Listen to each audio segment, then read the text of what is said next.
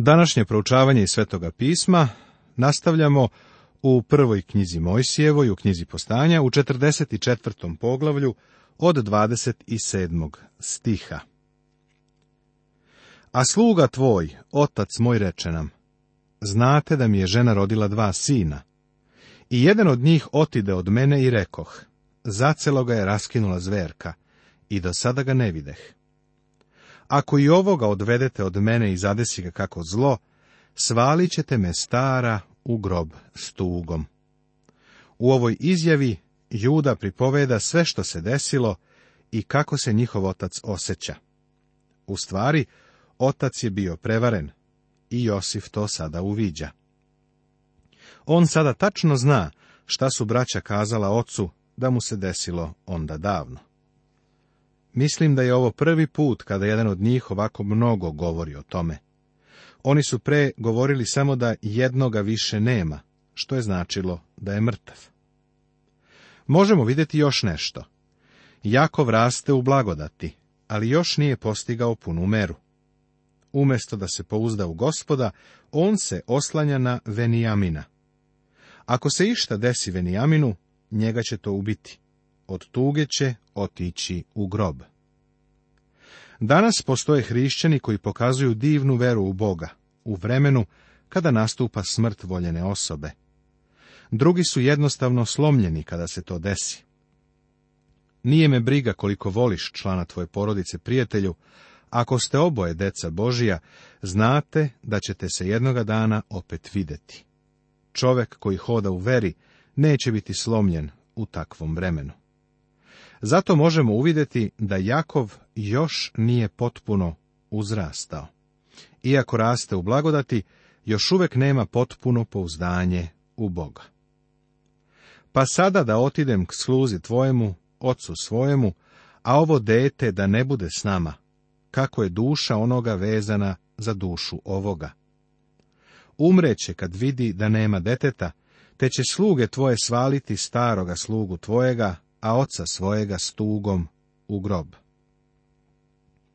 Zapazi kako ovdje Juda pokazuje zabrinutost za vremešnog Jakova. Juda je i zaslanik grupe, govori u njeno ime. Verujem da bi i bilo koji drugi od braća ovo isto izjavio. A tvoj se sluga podijemčio za dete ocu svojemu rekav, ako ti ga ne dovedem natrag, da sam kriv ocu svojemu do veka.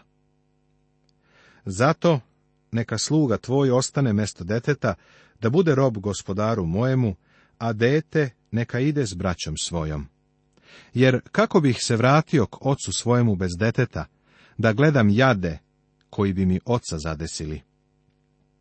Ponovo Juda govori u ime grupe, ali svako od njih bi se ponudio i žrtvovao umesto njega. Josif proverava svoju braću i svi oni prolaze na ispitu. Oni više vole da zauzmu Venijaminovo mesto, nego da ga ostave u ropstvu. Prijatelju, kasnije je u istoriji došao jedan iz plemena Judinog, koji je poneo kaznu za našu krivicu. Ali Bog pokazuje svoju ljubav prema nama time što je Hristos umro za nas kad smo još bili grešnici. Ovo je zapisano u poslanici Rimljanima u petom poglavlju u osmom stihu Svetoga pisma Novog Zaveta. Hristos je zauzeo naše mesto, mesto krivice. Poglavlje 45. Priča iz prethodnih poglavlja nastavlja se u poglavlju koje je sada pred nama. Josif se pokazuje svojoj braći i otkriva im svoj identitet. Josif otkriva svoj identitet. Tada Josif, nemogući se uzdržati pred ostalima koji stajaho oko njega, povika, izađite svi napolje. Tako ne osta niko kod njega, kada se Josif pokaza braći svojoj. Josif naređuje da svi napuste prostoriju. Pa briznu plakati tako da čuše misirci, ču i dom faraonov. Ovoga puta Josif nije uspeo da izađe iz prostorije. Biva slomljen i počinje da plače. Niko osim Josifa ne zna zašto. U to vreme Josifova braća također ne znaju, kao ni sluge koje su tu. Više nema razloga da Josif od njih taj svoj identitet, jer je u celovitosti proverio braću. Dozvoli mi da ponovim da dolazi dan kada će se gospod Isus Hristos objaviti svoje braći jevrejima. Kada je došao prvi put, svojima je došao i njegovi ga ne primiše, zapisano je u Evanđelju po Jovanu u prvom poglavlju Svetoga pisma Novog Zaveta. U stvari predali su ga da se razapne. Ali kada dođe drugi put, on će se objaviti svome narodu. Iako mu ko reče, kakve su ti to rane od ruku, on će odgovoriti, dopadoh ih u kući prijatelja svojih.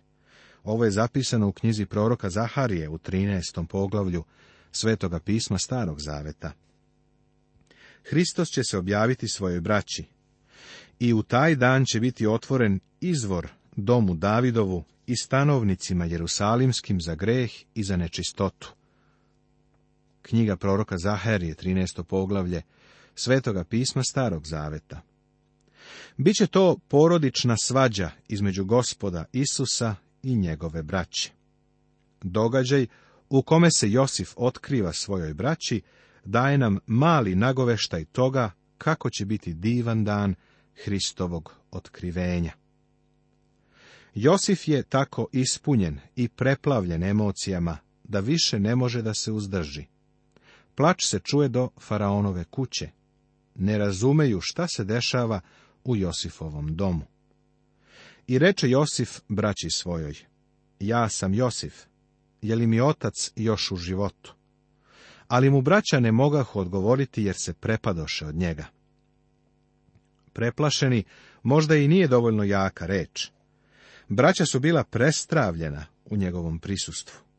Kažem ti, ako misliš da su i pre toga bili uplašeni, sada su stvarno prestravljeni Prošlo je skoro 25 godina od kad su ga prodali Ismailcima, pa su sigurni da sada želi da im se osveti. Suviše su šokirani i prestravljeni da bi govorili.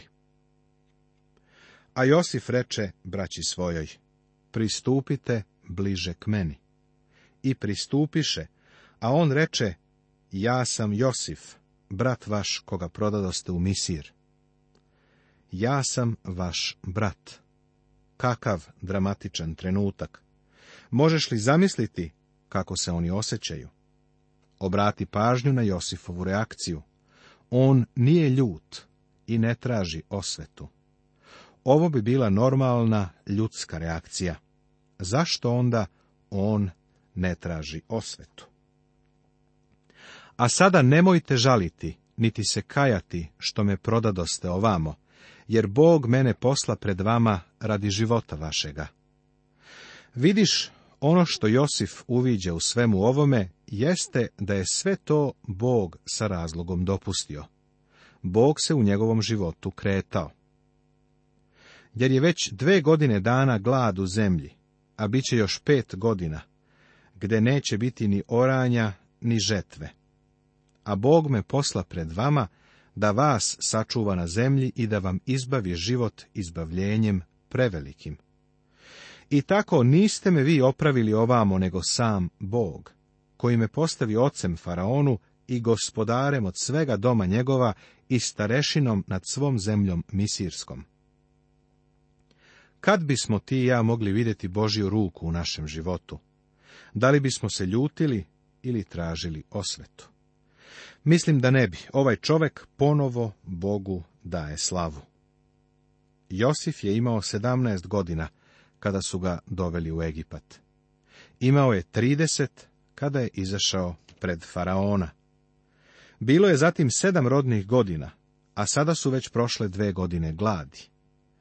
Tako znači Josif ima 39 godina i u Egiptu živi 22.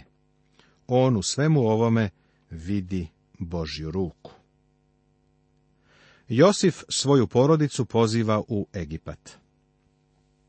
Vratite se bržek ocu mojemu i kažite mu, ovako veli sin tvoj Josif, Bog me je postavio gospodarem svemu misiru, hodi k meni, nemoj oklevati. Sedećeš u zemlji Gesemskoj i bit ćeš blizu mene. Ti i sinovi tvoji i sinovi sinova tvojih, i ovce tvoje, i goveda tvoja, i što je god tvoje. I ja ću te hraniti onde, jer će još pet godina biti glad, da ne pogineš od gladi ti i dom tvoj, i što je god tvoje. Jakov i njegova porodica ne bi preživjeli da su u ovo vreme ostali u Palestini. Pomrli bi. Josif želi da ih dovede u zemlju Gesemsku, koja je u stvari najbolji deo Egipta. U toj zemlji će ih Bog načiniti narodom i zakrili će ih od ostatka sveta. Životi braće otkrivaju da im je bilo potrebno da izađu iz Hanana. A eto vidite očima svojima, i brat moj Venijamin svojim očima, da vam ja iz usta govorim. Mislim da su stali tamo apsolutno zapanjeni, da su pali na svoja lica, a onda se ponovo podigli, i da nisu imali baš ništa da kažu dok su slušali kako im Josif izgovara reči koje su zvučale neverovatno. Te reči bi bile neverovatne da Josif nije stajao tu pred njima. Kažite ocu mojemu svu slavu moju u misiru i što ste god vidjeli, pohitajte i dovedite ovamo oca mojega. Tada pade oko vrata Venijaminu bratu svojemu i plaka. I Venijamin plakao vratu njegovu. Ovo je nežna scena dvojice braće po ocu i po majci. Josif i Venjamin su izvanredni ljudi. I izljubi svu braću svoju i isplaka se nad njima. Potom se braća njegova razgovarahu s njim. Ostala braća su začuđena, ali polako počinju da se oporavljaju i da dolaze sebi. Baš imaju o čemu da razgovaraju.